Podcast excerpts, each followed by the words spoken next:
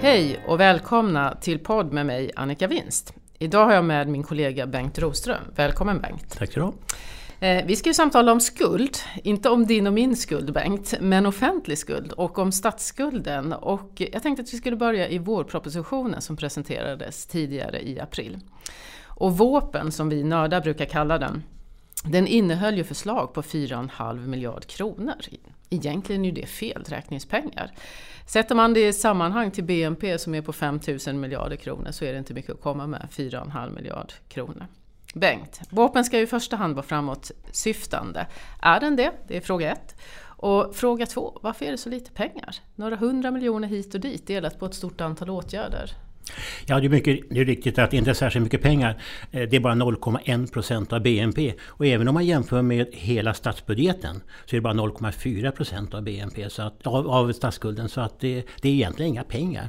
Och orsaken till att det inte är mer pengar det är ju det att eh, det finns redan en budget för 2019 eh, som, regering, som riksdagen accepterade då i december. Den här så kallade MKD-budgeten. Och den innehöll eh, reformer, ofinansierade reformer för ungefär 20 20, drygt 20 miljarder. Och det var i stort sett hela reformutrymmet för 2019.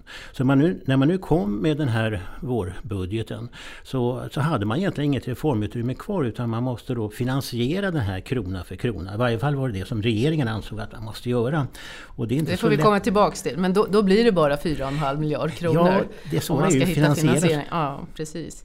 Ja, så, och det är ju exceptionellt för den här gången. Normalt så är det ju regeringen som ger eh, vårbudgeten och så om man inte sitter i knät på någon annan, eh, något annat politiskt parti som är, eh, var vid det här tillfället. Ja, dessutom så var det en annan sak också. Det är nämligen så att i den här vårbudgeten så har man nya samarbetspartner. Regeringen, alltså Socialdemokraterna och Miljöpartiet, har nu Liberalerna och Centerpartiet som budgetsamar budgetsamarbete. Och eh, det gäller alltså för dem alla fyra partierna att komma överens. Och alla fyra har ju sina önskemål på vårbudgeten. Och då räcker inte pengarna till så särskilt mycket till var och en.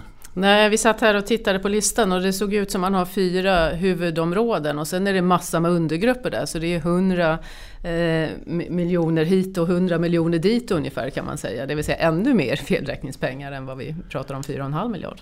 Ja, varje parti fick ju lite grann för sina hjärtefrågor. Ja, så till exempel fick ju Liberalerna eh, ett par hundra miljoner för eh, Eh, lärarassistenter. Centerpartiet fick ytterligare några hundra miljoner för eh, eh, sänkta arbetsgivaravgifter.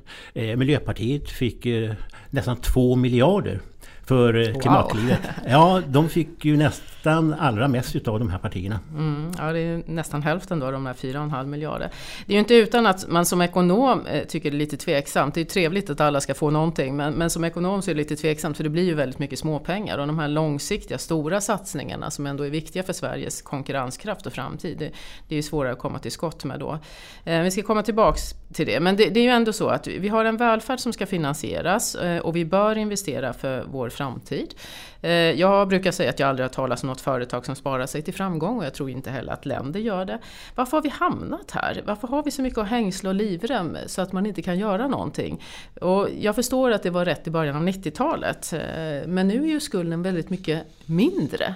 Är det fortfarande rimligt att bara spara, spara, spara som mantra tycks vara? Ja, det där kan man ju verkligen diskutera. Det där är som du säger historiskt betingat. Det kommer från en tid när vi hade stora underskott i, i statsfinanserna och i de offentliga budgeterna. Och där, där, därmed uppfyller, eh, satte man upp ett ramverk för de offentliga finanserna, att man skulle ha överskott. Det här överskottet då skulle vara från början 2% av BNP, sen 1% av BNP och nu har man sänkt det till en tredjedels procent av BNP. Men det är fortfarande så att det ska vara ett överskott över en konjunkturcykel. Så att eh, om det här fortsätter så kommer ju då statsskulden att bli mindre och mindre. Eh, samtidigt som vi då har stora behov eh, egentligen på väldigt många områden som vi då inte kan finansiera just på grund av det här ram ramverket. Nej, och det är väl klart att det är klokt att ha ett ramverk och särskilt när man var satt i skuld som vi faktiskt var i, i betydligt större format än vad vi är idag.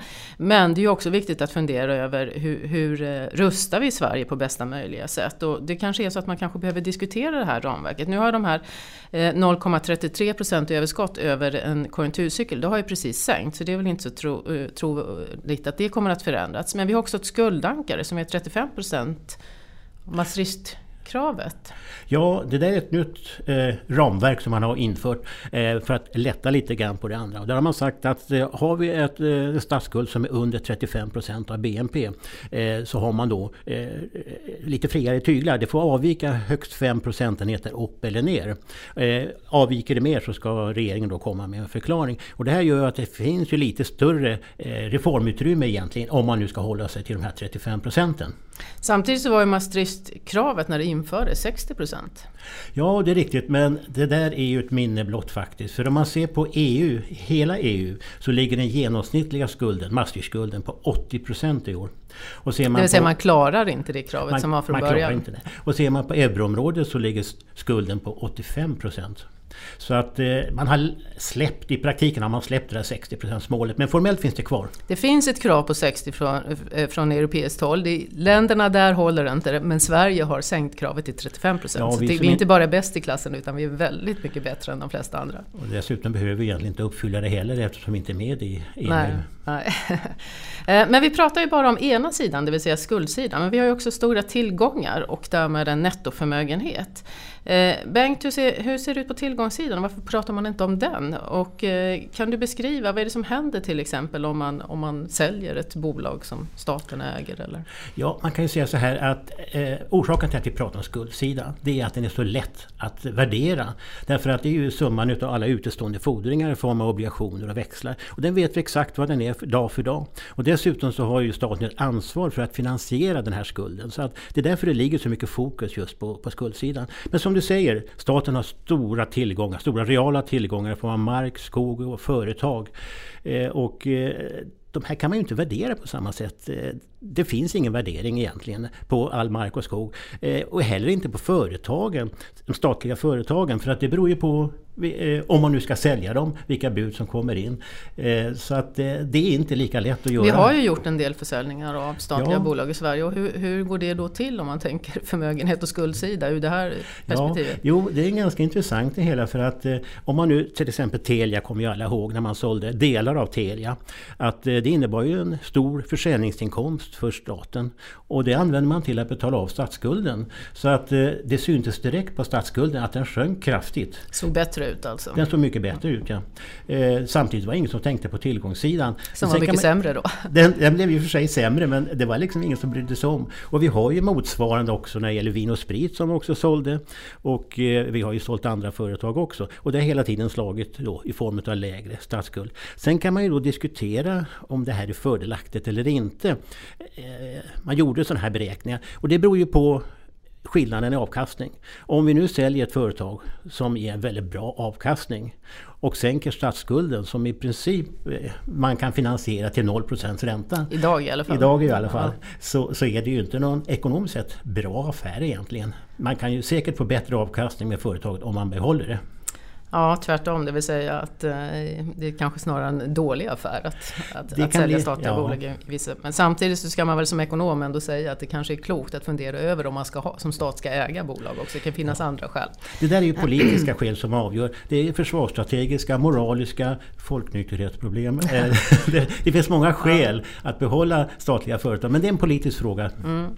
Men okej, okay, vi pratar om skulderna för de är mycket lättare att beräkna än vad förmögenheten är. Men om vi då koncentrerar oss på skulderna skulderna så finns det flera olika mått, flera olika sorters skulder, till exempel offentlig skuld och statsskuld. Och statsskulden är ju den som vi oftast är mest intresserade av eftersom finansministern kan använda den eh, till olika eh, åtgärder. Vad är statsskulden?